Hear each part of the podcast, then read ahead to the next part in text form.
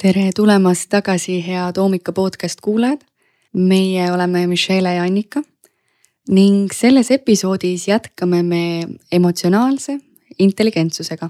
sel korral võtame me ette sellise temaatika nagu julgus ja ausus ning Annika, sa õpetad oma tundides, et julgus on esimene normaalne suhe eluga. et äh, ori on see, kes ootab, et keegi tuleks ja ta ära päästaks. ja julgus algab hetkest, kus sa otsustad enam mitte see ori olla. et kas sa avaksid seda natuke? see tsitaat, et ori on see, kes ootab, et keegi tuleks ja ta ära päästaks, on tegelikult Ezra Poundilt, et ma ei saa seda enda nimele kirjutada. aga kuna see on nii hea, siis ma olen seda palju kasutanud ja täpselt nii see on. Ehk et tegelikult kõik mu kursused läbi kõikide aastakümnete on õpetanud ainult ühte asja kuidas jõuda sellele tasemele, et oma elu juhtimine muutuks võimalikuks. sest kui sa pole rahul oma eluga, elad ärevuses, rahulolematuses, siis mida sul tegelikult on kaotada? ja minu töö ongi viia inimene siis selle taipamiseni ja see taipamine, et sul tegelikult ei ole midagi kaotada, kui sa ennast halvasti tunned, sul tegelikult oled juba kõik kaotanud, siis see aitab sellest enesehaletsuse nagu mäda soost välja lüüa, ei kõla väga hästi, aga nii see on. ja siis hakkame seda otsast arutama, sest meetod, mis siit koorub, nende teadmiste abil on üllatavalt lihtne ja kiire ja hästi praktiline. alustame siis sellest kõigepealt, et mis võimalused jäävad alla selle, kui elada allapoole äh, julguse ja aususe tasandit. kõige hullem, millest me alustasime eelmisel episoodil, on apaatia nagu emotsioonide klass koos oma häbi, süütunde, lootuse ja alandusega. eks seda kannatuste buketti me siis tutvustasime põhjalikult. sealt e, üks aste üles on kurbus ja kahetsus. omakorda üles on ärevus koos stressi ja läbipõlemisega, mis on vist küll kõigil mingil moel tuttav pandeemiline juba meie süsteemis siin. sealt omakorda edasi on viha koos raevu, kättemaks hõimuga Äh, mis eriti tulevad siis, kui su unistused ja lootused ei täitu. ja lõpuks kõige salakavalam, uhkus koos kadedusega, mida võib siis pidada negatiivsuse, ütleme kõige kõrgemaks vormiks. ja kui sa siit nimekirjast peaksid valima, milliste emotsioonidega sa oma elu tahad teha, siis sa avastad, et tegelikult ei kõlba neist ükski. ehk alla julguse on tegelikult kõige üks suur kannatus. ja julgus on murdekoht, kus inimene taastab oma väe elu juhtida ning tohutult leevendav on saada teada, et siia saab lihtsalt hüpata. sellest hetkest, kui inimene seda teeb, muutub kogu inimese maailmavaade ja elukäsitlus, nimetatakse paradigmaks, ehk tekib paradigma muutus. ehk äh, inimene õpib elama täiesti teistel alustel, tervetel alustel esimest korda. ja ükskõik, milline on su lähtekoht praegu, ükskõik millises äh, emotsiooniklassis äh, sa elad siis hea on teada, et saab jätta kõik negatiivsuste sellised laukad ja sood ja sopid ja selle hüppe tegemiseks on vaja ainult kolm asja.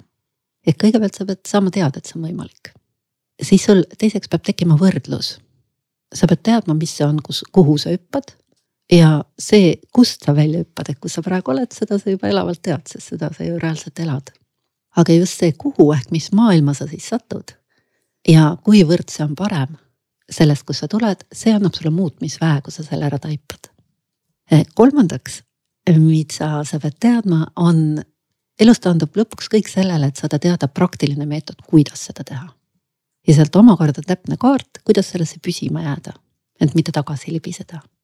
sest loomulikult ei võta ju keegi sult kunagi ära võimalust naasta oma turvaliste kannatuste juurde ja nüüd, kui inimene ennast piisavalt niimoodi teadmistega on relvastanud kõikidel nendel siis kriitilistel kohtadel, siis tekib tegelikult võimalus see hüpe teha.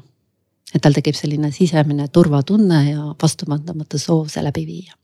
ja see sisult tähendab sellist radikaalset kannapööret, suunamuutust.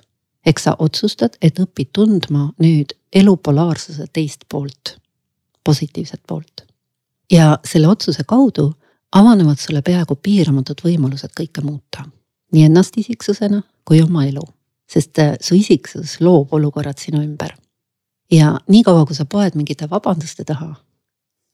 ehk teised on süüdi või olukorrad ei ole soodsad või mis iganes, ei ole nii, mis sulle sobib, et su elu oleks õnnelik ja rahuldust pakkuv. nii kaua sa annad oma jõu ära, sa nagu määrad ennast ohvriks. Ja ohvriks nimetatuna see võibki nagu tunduda okei okay alguses, siin on teatud nagu paratamatus. et sul justkui puuduksid valikud. aga kui sa nimetad selle ohvriseisundi ümber nõrkuseks, mis ta tegelikult on, siis ennast nõrgaks tunnistada ei ole juba nii ahvatlev enam, sest sealt terendab omakorda rumalus nagu teadmatuse mõttes sest nõrkuse ees sa saad jätkata alati ainult seni, kuniks sa saad teada, kuidas sealt välja astuda.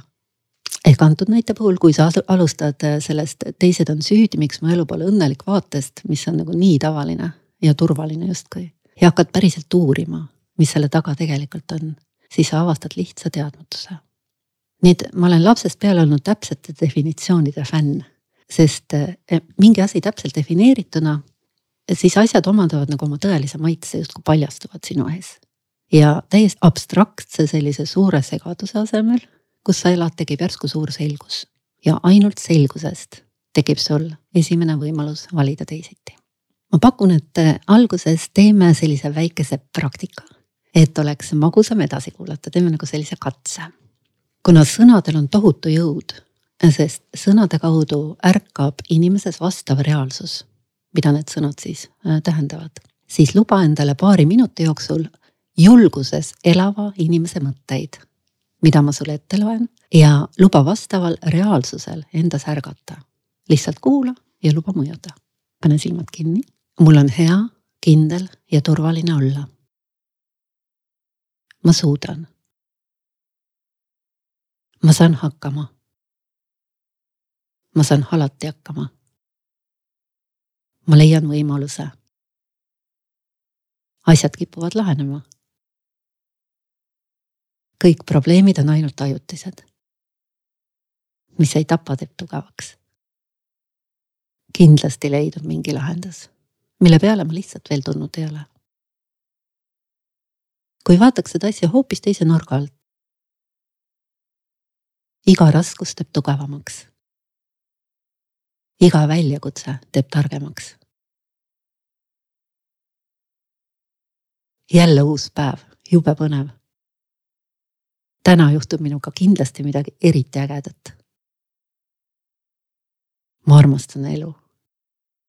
ma armastan väljakutseid. teeme ära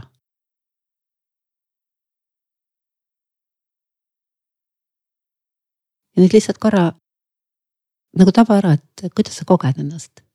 Michelle, kuidas sa koged ennast? palju tugevam on kindlasti olla kohe, kuidagi rahulikum. Ja see oli ju nii lihtne. ehk sa ei teinud füüsiliselt mitte midagi. ja sa avastasid, et kõik see, mida ma ette lugesin, kajas sinus elavalt vastu. ehk see tähendab seda, et see kõik on sinus elavalt juba olemas, kogu see tugevus. aga ta on sellises nagu tipatukkuvas seisundis. sest sa pole ammu kasutanud seda võib-olla. kuidas kellelgi muidugi. ja nagu sa võisid aimata, on selline seisund midagi hoopis teistsugust, millega enamus inimesi oma ärevuses ja rahulolematuses harjunud on. eks see on selline tulvil tegutsemistahet, entusiasmi ja elurõõmu ja samas nagu sellist kainet tarkust, et see ei ole sihuke loll elurõõm ja siit edasi läheme niimoodi, et ma natuke kõigepealt avan äh, nagu seda kirjeldust siit edasi, mis see julgus siis on. sealt edasi siis, äh, kuidas sellesse jõuda ja kuidas püsima jääda. julguse signatuur on ma suudan. see on aktiivsete tegijate maailm.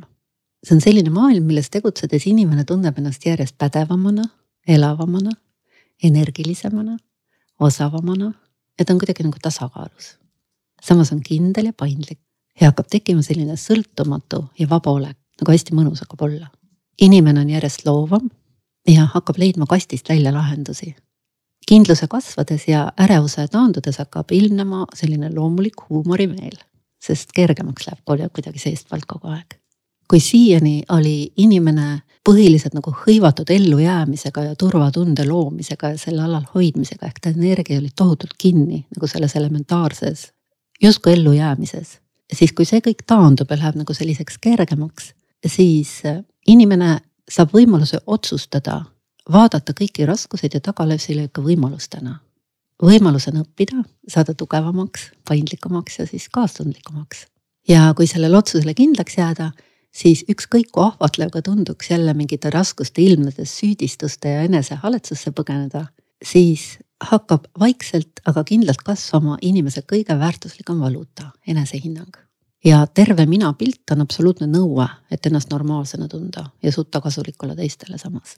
E, alla selle normaalse minapildi, terve enesehinnangu on inimene paratamatult kaitseseisundis. ta on kogu aeg orienteerunud nagu saamisele, turvatunde kindlustamisele, klammerdumisele, ellujäämisele. ja selle tulemusena tekib nagu teatud jäikus Äh, julguses meie energia ei kulu, nagu ma juba ütlesin, pidevalt selle füüsilise ja emotsionaalse ellujäämisega tegelemisele. ja suurema paindlikkuse tõttu siis meil tekib selline võimalus uurida probleeme. Ehk tekib täiesti teine lähtepunkt ellu. me hakkame uurima ja orienteerume üleni lahendustele. ja sellega tekib nagu selle maailma sellise nagu konteksti muutus. me muudame enda ja elust arusaamise tähendust ja konteksti, kus, kuidas, kes me nagu maailmas oleme ja kuidas me siin suhestume. ja järjest, järjest inimene mm, kinnistub taipamisse, et ma suudan, ma saan hakkama, ma leian võimaluse. Suur pööre toimub kõiges. nagu ma juba ütlesin, just lahenduste leidmise suunas.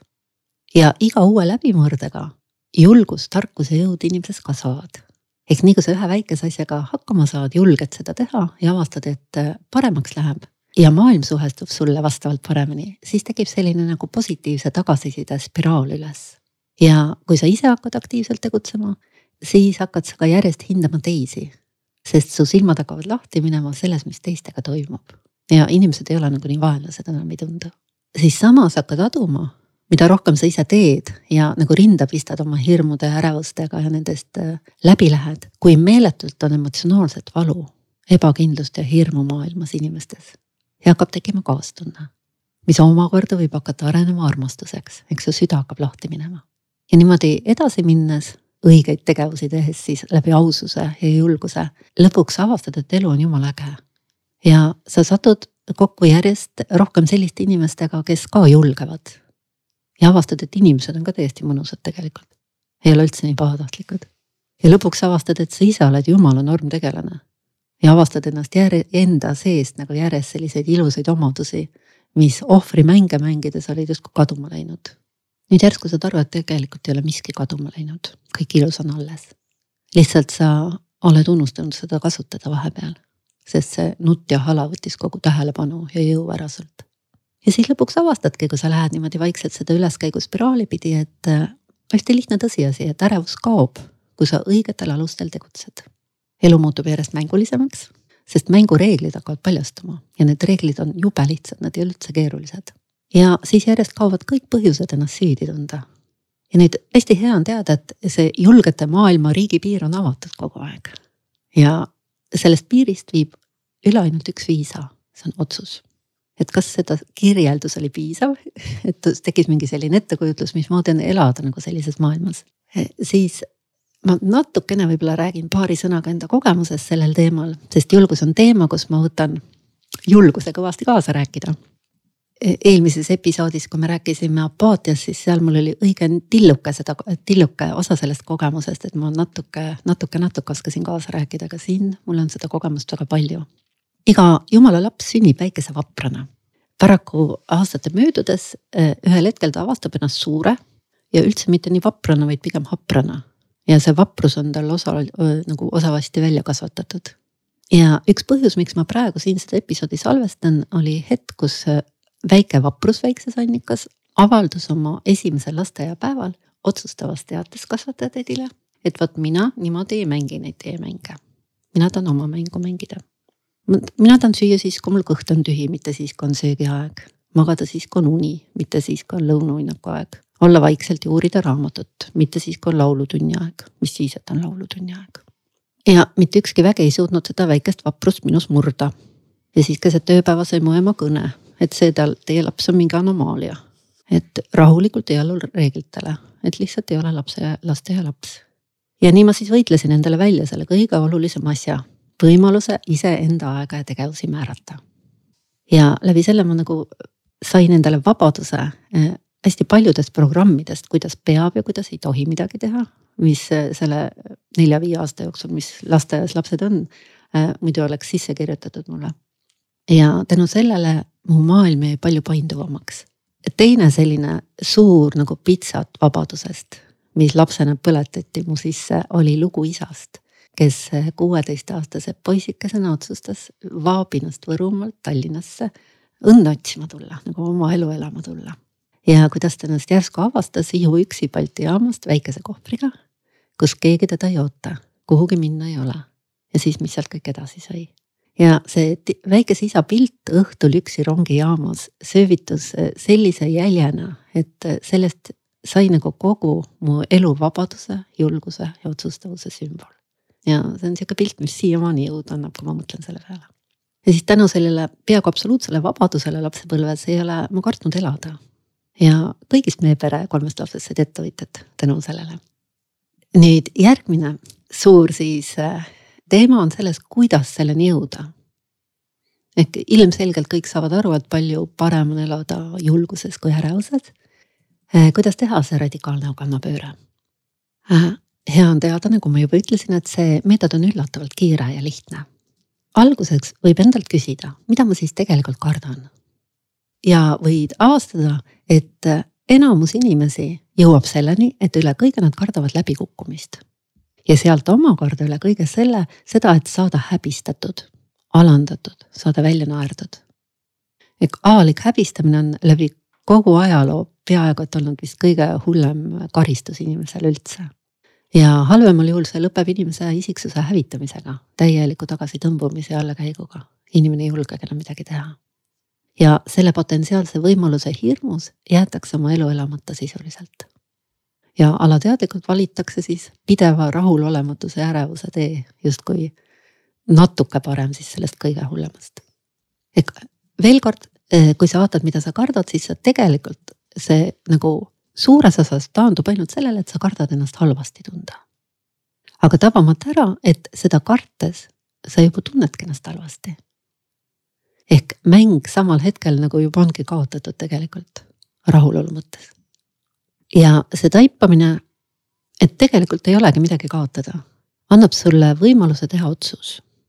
sest nagu ma juba ütlesin mitu korda, on ainult üks meetod, kuidas hüpata julguse tasandile. ja see on otsus sa otsustad, et sa õpid tundma polaarsuse teist poolt, positiivset poolt. nagu ma eelmises podcast'i episoodis äh, ütlesin, et äh, midagi endas muuta, siis äh, alati aitab, kui sa võtad enda kõige suuremaks sõbraks suure punase küsimärgi.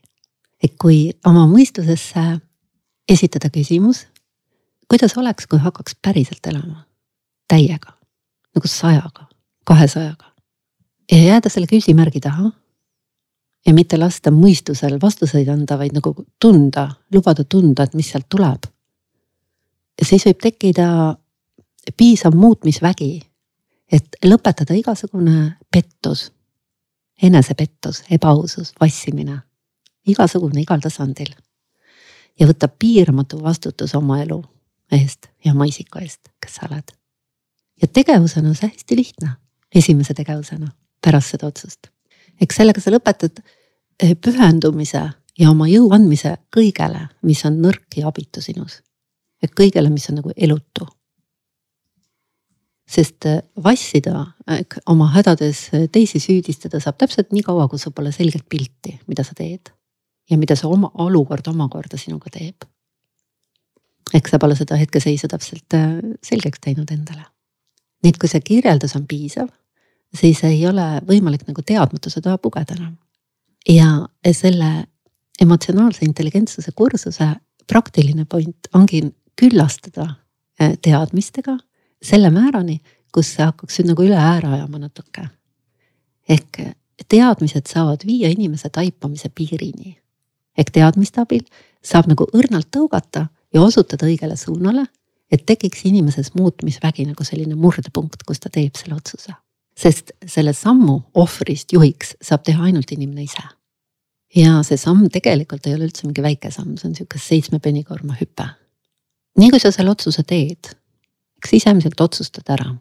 nii juhtub midagi täiesti ootamatut. ehk muutus toimub kohe.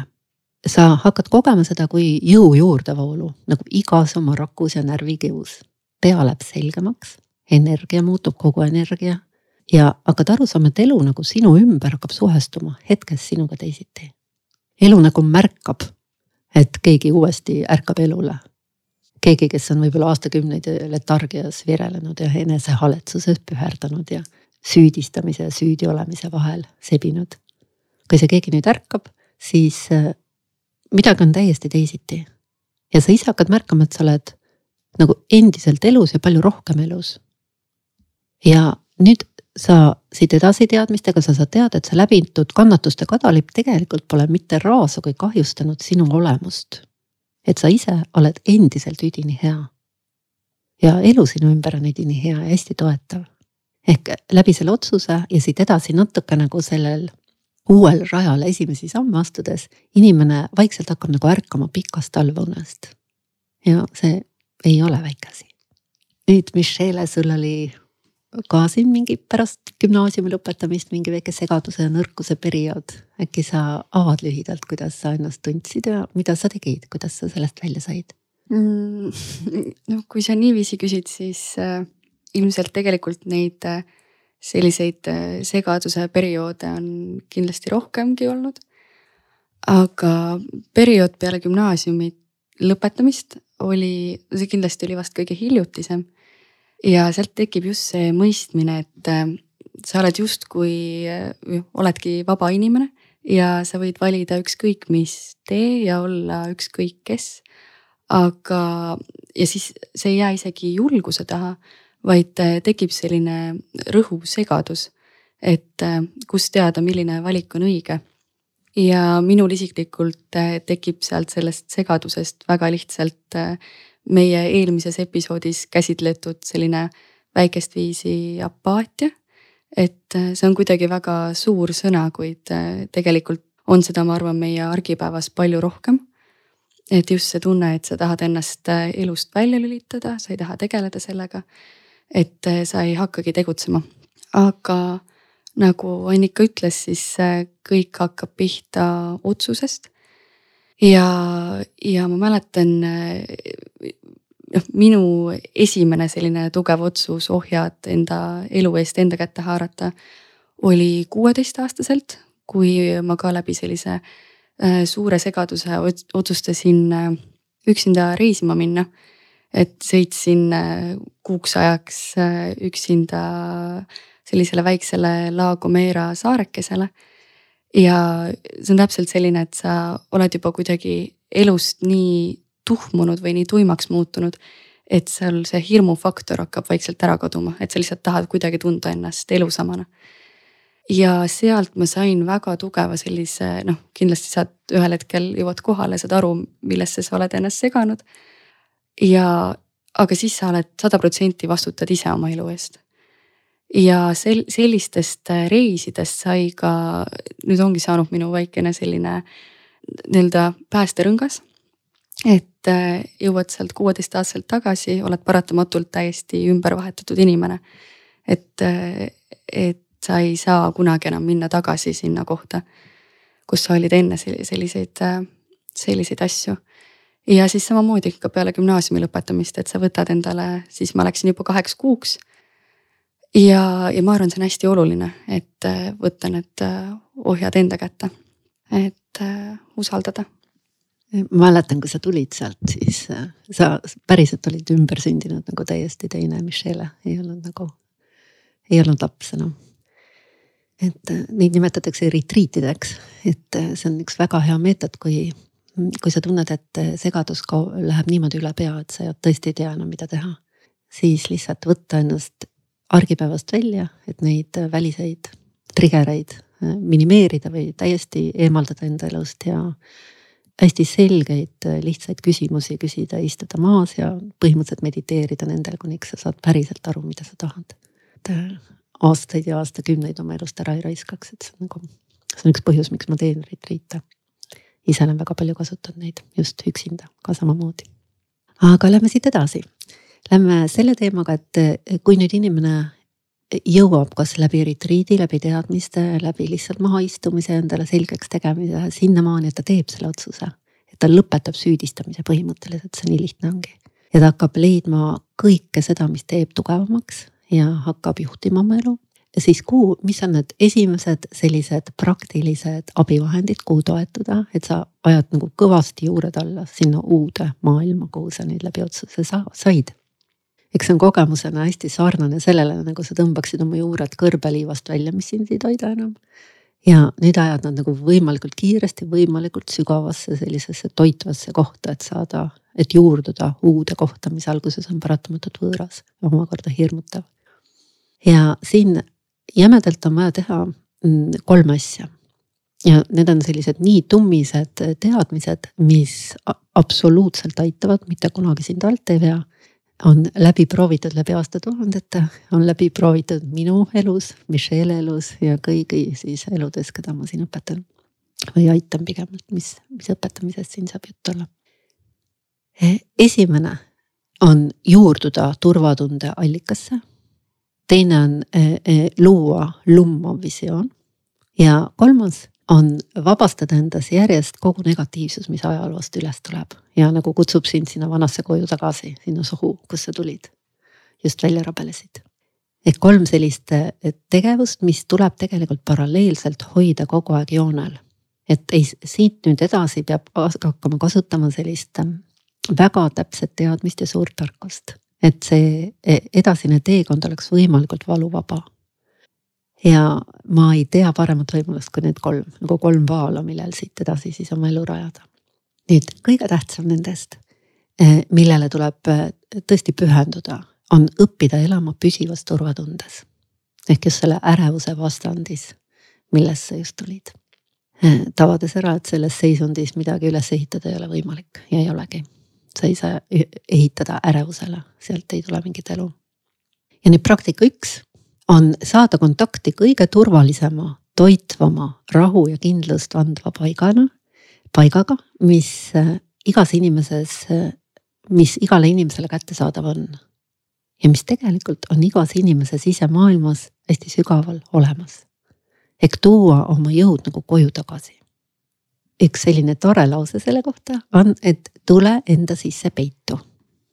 ma pätsasin selle lause oma emalt, kes komistas selle võimaluse äh, otsa äh, lapsepõlves, ta oli sõjaaja laps ja mingi aja siis, kui see küüditamise periood oli, siis ta elas pidevas äh, hirmu ja ärevuse seisundis, õhtuti ei julgenud magama jääda, sest tema isa oli haritlane ja keskmisest edukam, et väga suur tõenäosus oli, et nad ära viiakse. kobrid olid pakitud ja võib kujutada ette väikese lapse, tüdruku nagu olukorda sellises situatsioonis. Ja et kuidagi sellega toime tulla, siis ta avastas sellise võimaluse, et ta tuleb iseenda sisse peitu. ja avastas, et tema enda sees on üks selline koht, kuhu see hirm järgi ei jõua et nagu täitsa turvaline koht ja kus, kui ta sinna sisse püsima jääb ja sealt nagu nina välja ei pista, siis seal on hästi mõnus olla. see, mida ta avastas, seda avastavad tegelikult nagu komistavad selle otsa väga paljud inimesed. Aga eh, kuna meie kultuuris jälle selline kirjeldus puudub, siis eh, keegi ei pea seda väärtuseks. ja see on sihuke nagu juhuslik kogemus. ma arvan, et igalühel on see olemas. nüüd, kui teada, millega on tegu ja teada saada, et see on kõige vägevam kogemus üldse. ehk tegelikult on see just see, mida kõik inimesed otsivad läbi kogu oma elu. et kõik inimesed, mida me otsime, me tahame kõik olla hästi turvaliselt olemas ja me tahame olla kogu aeg õnnelikud. ja mitte keegi meist ei leia seda, mitte keegi. me leiame sellist ajutist hektilist õnne. ja omakorda läbi siis kõikide kultuuride kõik maailma targad läbi kõikide aegade on avastanud, et see koht on tegelikult olemas, aga ta ei ole väljapool sind, vaid ta on sügavalt sinu sisemaailmas sees. ja ka sisu sisemaailmas ei ole ta nagu väljaspool sind, vaid see koht oledki sina ise. Ja see teo ja tema sarve võrdpilt on nagu hästi täpne tegelikult. ehk kui vaadata oma elu kogemusena, siis sa koged ainult seda, kus on su fookus ehk ainult see, mida sa teadvustad, on sinu kogemus. ja see on nagu teosarv, mis on nagu selline, see ots on nagu selline tundlik tunnel, see, mida ta puudutab, seda tigu kogeb. ja kui nüüd, aga ja kui nüüd tõmmata see sarv tagasi iseendasse, tabada ära, et see sarve ja sinu teo, selle keha kokkupuude on, see on nagu üks sama materjal, seal ei ole, seda ei saa, sarve ei saa läbi lõigata teo kehast. ja kui tõmmata see sarv tagasi, siis see tigu hakkab läbi elama ehk kogema täielikku turvalisust, ta läheb nagu sinna oma kesta sisse peitu. ja samamoodi saab teha inimene. et kui sa tood oma tähelepanu tagasi sinna, kus tähelepanu sünnib. tunned iseennast ehk hakkad kogema iseennast, nagu sa koged emotsioone samamoodi. Jääd hästi paigale, hästi tasa, lased täiesti lõdvaks kõik. ja siin otsima ei pea ka midagi, sest tabad ära, et sa oled ju olemas siin sees kuskil ja see koht on siin. eks see on ainus koht, kus ei ole distantsi, et äh, sa ei pea kogema midagi kuskilt väljaspoolt. siis hakkad kogema, et äh, sul hakkab nagu hästi rahulik ja kerge olla. ja kui sa õpid siia püsima jääma, siis see turvatunne järjest äh, suureneb. nagu lõdvestub, see muutub järjest normaalsemaks. tekib suur-suur sügav rahu ja omakorda, kui sellesse lõdvestuda, hakkab tekkima selline kerge õnneseisund, mis omakorda järjest süveneb. ehk see on kõige olulisem tegevus üldse, sest ta on tegevus tegelikult, ongi nii lihtne. ja kuna tegemist on sinu endaga, siis sa oled ju kogu aeg endal olemas. Sa ei saa ühelgi hetkel öelda, et sind ei ole, et sa ei saa ennast kogeda sa pead lihtsalt teadma, et see suund on täpselt vastupidine sellele, mida sa oled kogu aeg taga ajanud ja avastas, et see alati, et see kogemus alati toidab, ehk ta mitte kunagi ei reeda sind. ja siis avastad hästi lihtsad asjad, ehk mina olen juba vaba, kogemusena juba oled vaba. mina juba olen rahu. ma juba kogemusena olen kaitstud. Ja siis nagu ma ütlesin natuke hiljem, et ma juba olen alati õnnelik. sest seal on see õnnelikkus alati olemas, see ei lähe mitte kunagi kaduma ja kui natukenegi niimoodi hakata oma selle hektilise elu tegemise sees leidma selliseid hetki, kus sa saad, noh, selliseid hetki on iga inimese elus, kui ta lihtsalt korraks nagu paneb silmad kinni, lõdvestub. Laseb ennast lõdvaks, aga selle asemel, et lihtsalt vii oma fookus mõtetele, siis hakata mõtlema oma rahutusmõtteid, tõmba oma fookust tagasi mõtetest siiapoole. eks sa oled tegelikult mõtetest veel lähemal siinpool mõtteid, see on ka üks hästi hea selline lähtepunkt.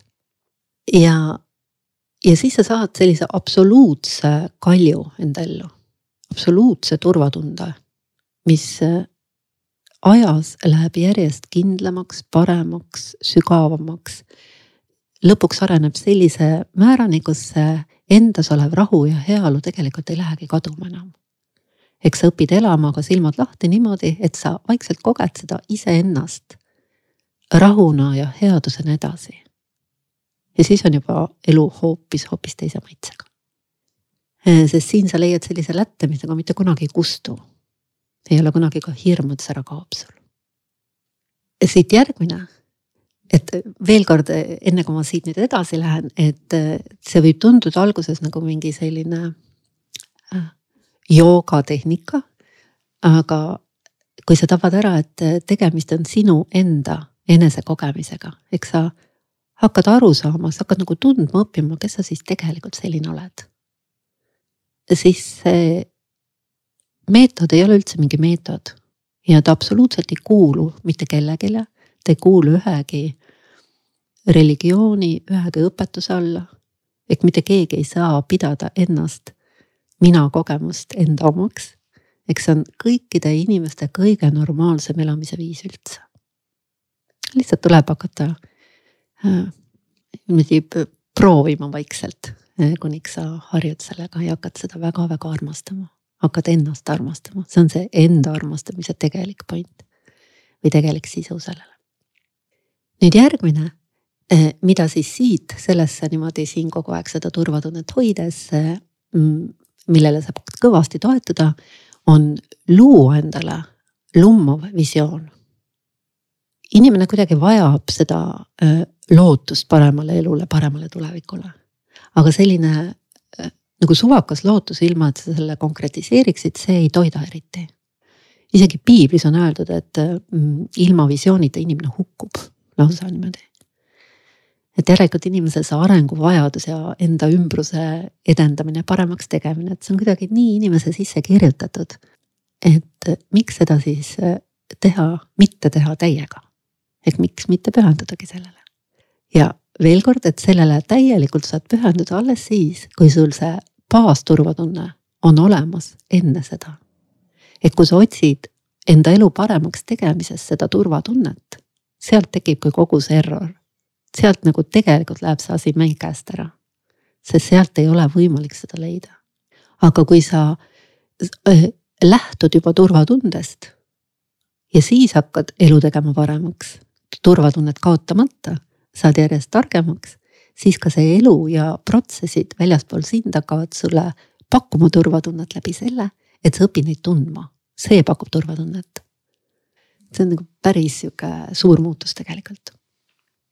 ja nüüd, kuidas selle, seda visiooni teha ja ja kuidas seda omakorda hakata ellu viima, see on täiesti omaette selline suur õpetus, seda on nüüd maailm täis, seda, kuidas, mis võimalused ja meetodid siin on.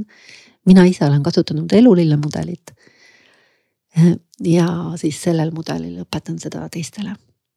et sellel võib-olla rohkem ei peata, et praegu on lihtsalt selline ülevaatlik, kuidas, kuidas elu edendada siit edasi ja äh, kolmas nagu alustala, millest kindlasti ei tohi mööda vaadata, eks see on üks põhjus, miks, äh, mida mitte piisavalt tõsiselt võttes ja mida isegi mitte teades äh, inimesed tagasi langevad. see on üks põhjus, miks eneseabiõpikuid on terve maailm täis, aga inimesed ei ole miljonärid ja õnnelikud.